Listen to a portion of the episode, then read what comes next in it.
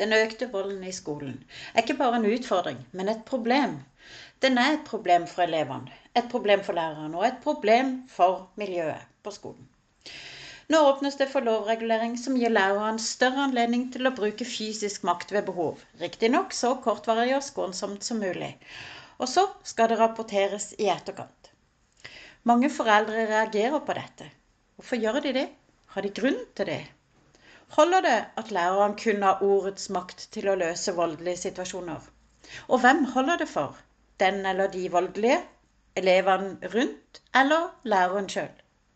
Jeg skal forsøke å svare på alle disse spørsmålene i dag ved å dele mine erfaringer med vold og trusler om vold innenfra og utenfra, mot meg og mot enkeltelever, og hvilke to områder jeg tenker at de eneste lovreguleringer kan hjelpe lærerne i voldssaker med. Klart vi kan snakke om det. Velkommen til ukens episode. Tine Håfær, antimobbeentusiasten som mener at bak hver suksess i mobbesaker står solide voksne med en helt spesiell evne, en iver og vilje, i tillegg til en stor porsjon pågangsmot. Jeg har bygget en virksomhet tufta på å gi støtte og drahjelp til foreldre og skoler i hele landet. I det å ta tak og hjelpe enkeltbarn, som klasse- og skolemiljø, både kjappere, mer treffsikkert og i fellesskap. Hver uke er jeg på øreproppene dine, deler tips og triks for å hjelpe deg bli akkurat så god som du kan bli i din rolle når du skal hjelpe barn i kjølvannet av mobbing. Er du en av foreldrene som skriker opp i disse dager om kunnskapsministerens forslag om å gi læreren adgang til å bruke fysisk makt overfor elever i voldssituasjoner? Eller er du en av lærerne som er glad for at kunnskapsministeren kommer med et sånt forslag? I dag skal jeg starte med en hardt tillært kunnskap. Ingen lovregulering vil gjøre noen faktisk forskjell om den skal handle om selve voldssituasjonen. Men det den kan gjøre, er noe med følelsen av litt trygghet, litt større trygghet for læreren. Hvorfor sier jeg det? Jo, i selve voldssituasjonen er det ikke rom for å tenke, kun handle. Derfor mener jeg at det kun er på to områder en faktisk kan bidra til å gi læreren støtte og drahjelp. Jeg kommer tilbake til det. For først tenkte jeg å gi noen hardt tillærte erfaringer til grunn for mine oppfatninger. Et eksempel fra ungdomsskolen, nærmere bestemt åttende trinn, er i et friminutt. Alle elevene i parallellklassene holder oppholder seg i en lang gang.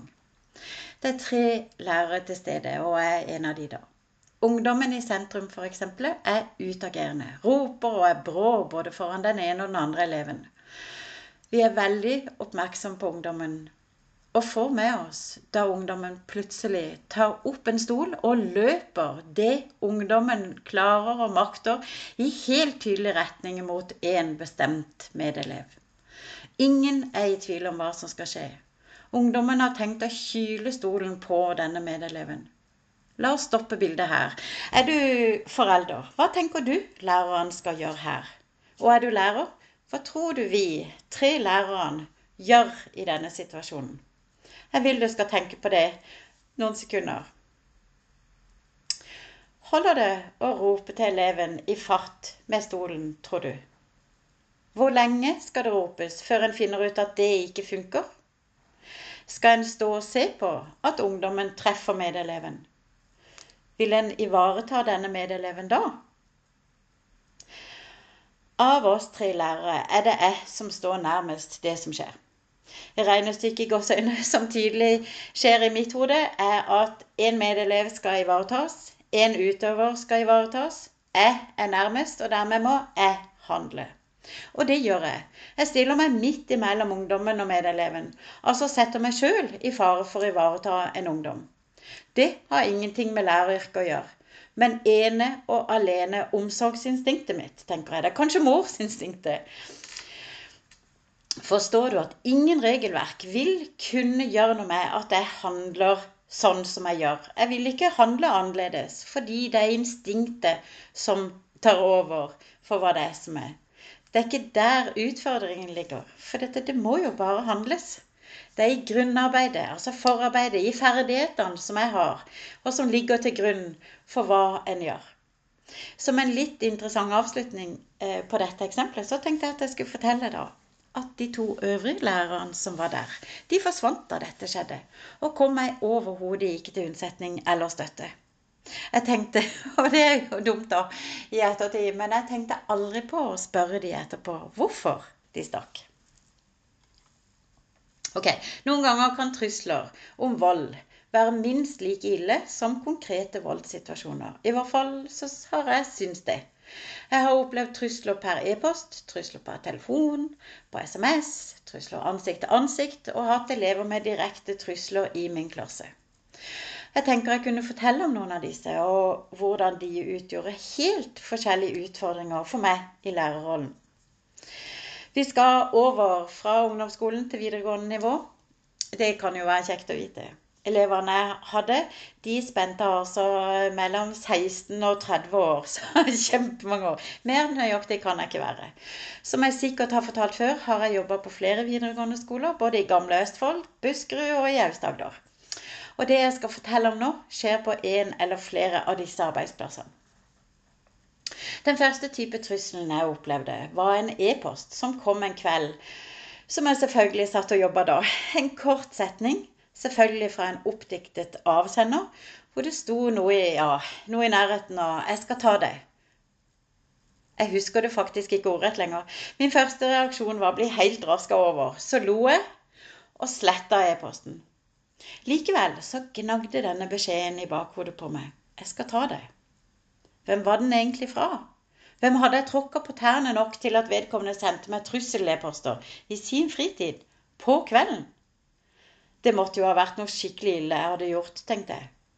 Men jeg klarte ikke å forstå hvem det kunne dreie seg om. Et utrygt frø var sådd, jeg må innrømme det, men ikke så utrygt at jeg frykta for meg sjøl. Men mer det at jeg ønska rette opp eventuell urett jeg hadde måttet begått. Som jeg tror mange lærere ville kjenne seg i, i akkurat den situasjonen. Vel, vel. Det gikk flere uker uten noen som helst e-post eller hendelser som ga noen svar. Men så dukka det opp en tilsvarende e-post fra det samme oppdiktede navnet, med den samme beskjeden igjen. Jeg fikk tre slike e-poster til sammen. Fant aldri helt ut hvem det var fra, selv om jeg mistenker at jeg fant ut av det til slutt.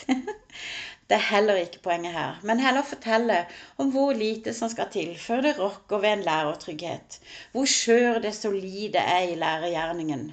Hvor lite en lærer tenker på seg sjøl, men heller eleven det handler om, og sånn.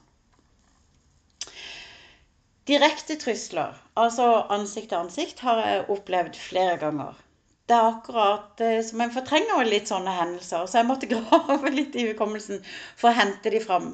Men ansikt-til-ansikt-trusler har jeg altså opplevd. Selvfølgelig må de alltid være høyere enn meg, disse elevene. Helt opp i ansiktet mitt. Helt ulike årsaker til deres desperasjon. Den ene noe så enkelt som at eleven ikke kunne komme hjem og vise en slik lav standpunktkarakter.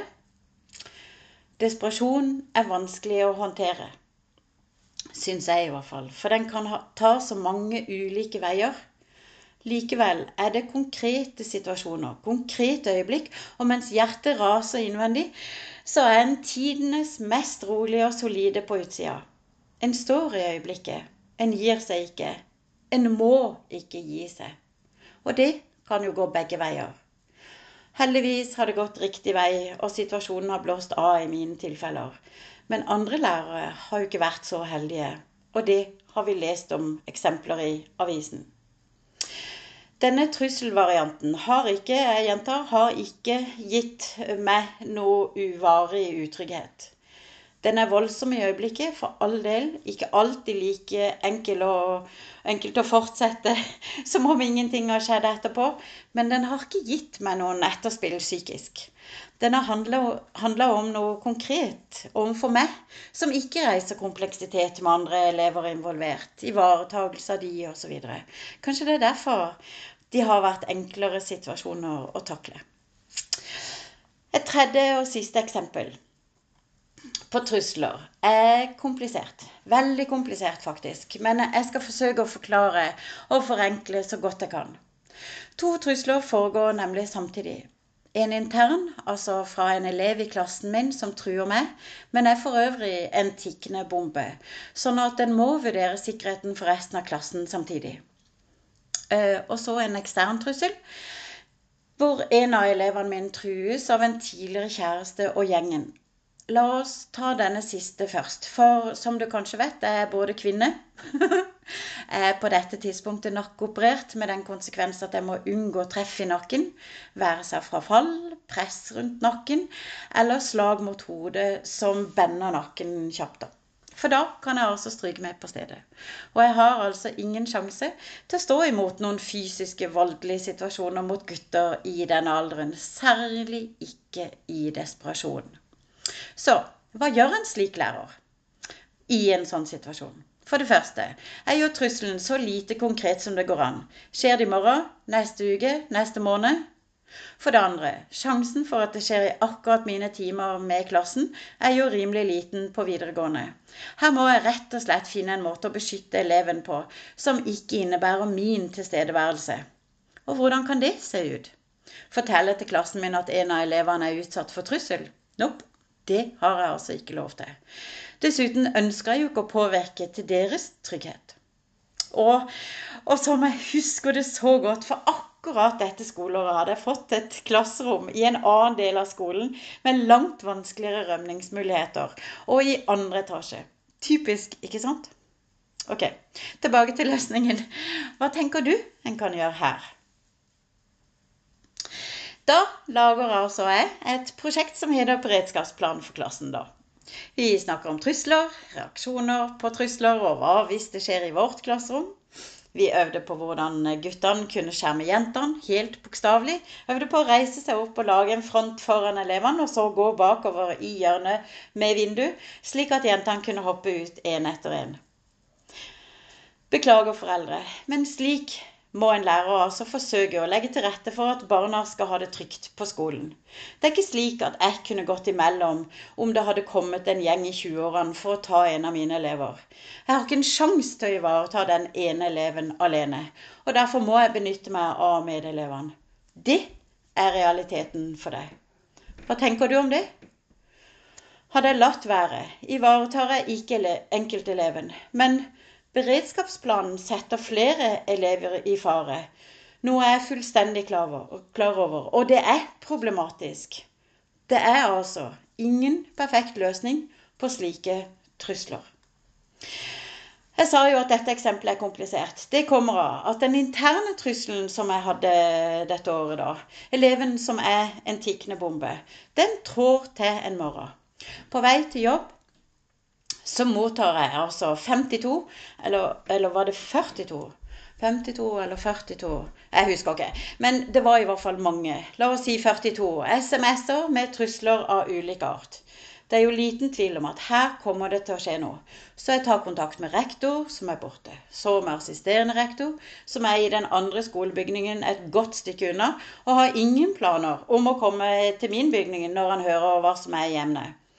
Så ringer jeg til helsesøster, men hun har jo selvfølgelig ikke kontor da på vår skole i dag. Og så slår det ned i meg. Jeg står mutters alene i dette. Det er de utroligste tankene som går gjennom hodet på dette tidspunktet. En av de er faktisk om jeg skulle våge å gå på jobb. Men jeg kunne jo ikke overlate elevene til hva enn som måtte komme til å skje. Det jeg ikke har nevnt da, er at jeg, ikke, nei, at jeg dagen før, på ettermiddagen, hadde fått en henvendelse i forkant om at den eksterne trusselen for den ene eleven i min klasse kunne bli stor akkurat på denne dagen. Da denne tidligere kjæresten ville slippe ut av fengsel på morgenkvisten. Ser du? Intern og ekstern trussel. Snakk om krisesituasjon. Og så og så skal du altså undervise som om ingenting har skjedd. Ingenting kommer til å skje. Ja, for fag er jo selvfølgelig det som står lengst frem i panna på en slik dag, i en slik situasjon. Nei, det er det altså ikke.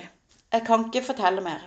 Eh, for da kan noen identifisere hendelsene. Men jeg sto i det og sørga for at ingen annen lærer måtte stå i det denne dagen. Jeg underviste faktisk, men i hva har jeg ingen formening om. Vi lo, det husker jeg, og vi diskuterte. Det viktigste var at vi holdt oss hele tida samla. I timene som i friminuttene, faktisk. Og det helt til. Og på en eller annen måte så klarte jeg å begrunne at vi skulle være sammen hele tida. Ja. Det er på bakgrunn av disse eksemplene og øvrige erfaringer som jeg har fra lærerrollen, som at jeg sier at ingen lovregulering vil ha noe som helst å si i de faktiske situasjonene, i øyeblikkene som ting skjer. Skal en gjøre noe, skape noen lovreguleringer av betydning, må det dreie seg om det forebyggende, om pålegg om en beredskapsplan der skolens folk tropper opp for hverandre. I situasjonen kan en ha en alarmklapp knapp, ha en alarmklapp i klasserommet, kanskje. Kanskje kan det hjelpe om alle i rommet er klar over knappen og hvor den er hen. Fordi en lærer kan ha vondt for å nå den sjøl. Så la oss ta to ord til slutt om hvilken eh, forebygging som kan være nyttig. Det kan være nyttig at læreren kurses i selvforsvar. Ja, det kan det faktisk. Igjen, som kvinne hadde det vært kjekt å kjenne til noen knep som kunne ha gjort at jeg kunne ha stått imot på et eller annet vis mot unge menn i desperate og noen ganger rusede situasjoner. Som gjorde at jeg visste at jeg kunne holde elevene mine trygge. Hvis slike knep krever lovhjemmel, ja, da tenker jeg at de må på plass. En kan, skal og kan ikke glemme at det er instinktet som er styrende for handling i øyeblikket. Så det er hva som er forprogrammert, som hentes opp i situasjonen.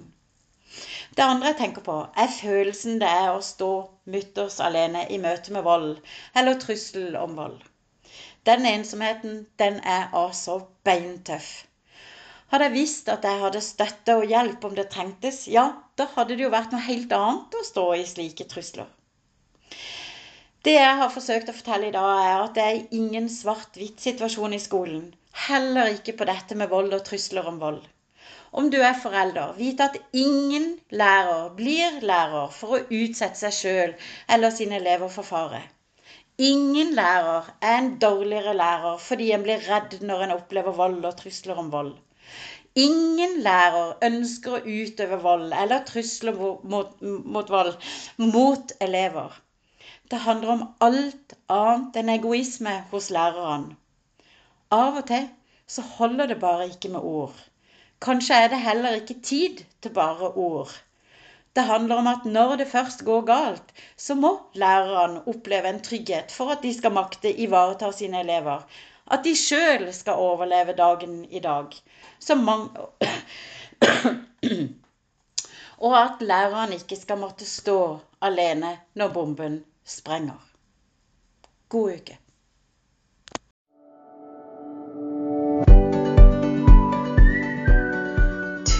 Tusen takk for at du hører på podkasten. Det jeg ønsker at du gjør nå, er å ta et skjermbilde av akkurat denne episoden og dele den i sosiale medier, sånn at flere voksne kan få hjelp til å ta tak og hjelpe barna bedre og kjappere. Vi to høres neste uke. Ha det, ha det.